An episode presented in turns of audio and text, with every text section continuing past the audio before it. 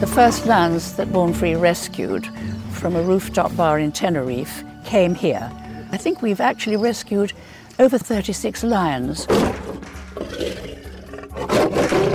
Most of them have come here to Chamwari to our rescue centre, managed by the wonderful Glenn Vina, who not only looks after the animals brilliantly, but deeply, deeply cares for them and is fond of them.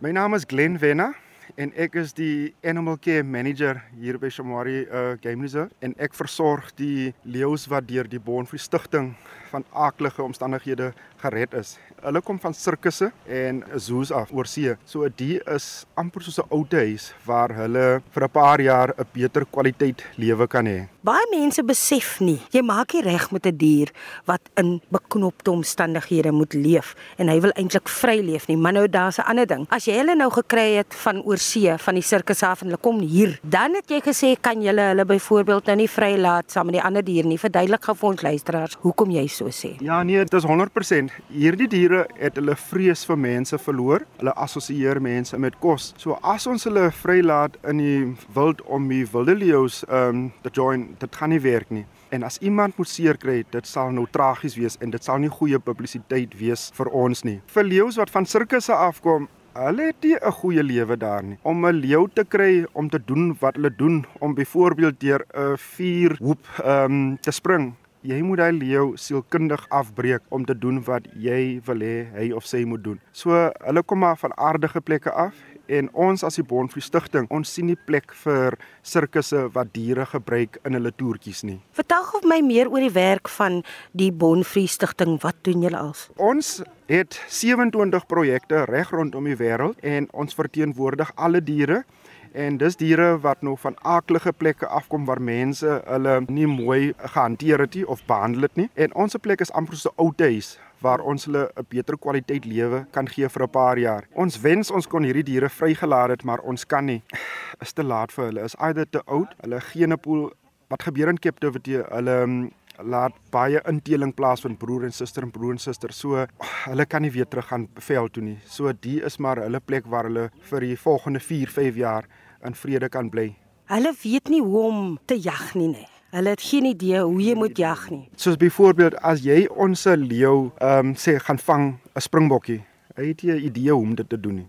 Van die anties of die mammas of die oom wat hom moes geleer het soos dit gebeur in die wild, hulle het nie hy geleentheid gekry nie. Hy sal nie weet wat om te doen nie en ehm uh, hy is gewoond om sy kos van 'n mens af te kry of in 'n bakkie of iets wat ingegooi word in sy kamp. Hy het geen idee hoe om 'n dier dood te maak nie. Maar dit daar gelaat om mens dood te maak, hy weet. Onthou leeu's is vreeslik sterk. Ons vat nie aan so diere nie. Ons gaan nie in met hulle nie. Ons treat hulle nog steeds soos wilde diere. Mm. Uh, hulle kan jou op enige tyd aanval en seermaak, ja. Mm net so grappenderwys my pa sê altyd, my pa is van Oudtshoorn en hy sê altyd, hy kom nie in 'n dier se plek nie, 'n dier kom nie in sy plek. Hy glo altyd jy moet 'n dier los, sien jy speel nie met 'n dier nie. Probeer jy dit altyd vir mense duidelik maak. Dis 100% korrek. Jou, jou pa is uh, soos hulle sê in Engels 'n spot on.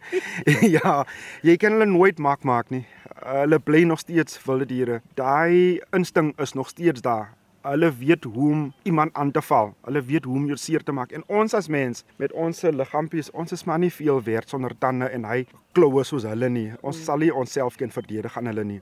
So teen alle tye as ons ons toertjies doen met ons skoolkinders en die gaste wat ons kom kuier, ons verduidelik dit altyd dat hulle is nog steeds wilde diere en jy kan nooit te rustig wees rondom hulle nie. Ons hou ons gaste op ehm um, wat ons noem viewing decks en die katte word in groot kampe gehou. Die kampe is omtrent so 1 hektaar groot en hulle het die keuse om mense te kom sien. So as hulle nie wil mense sien nie, hulle kan enige plek wees in daai groot kamp, maar hulle hoef nie uit te kom nie.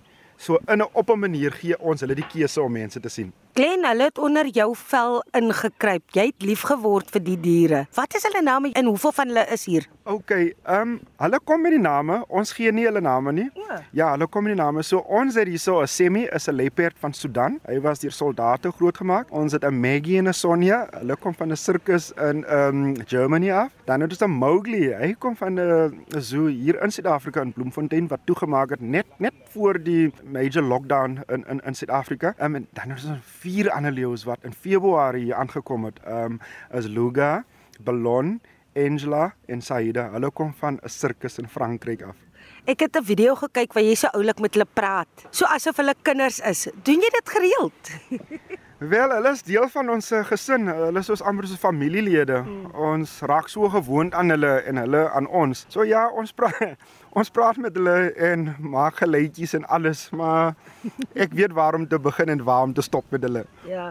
Hoe voer julle hulle?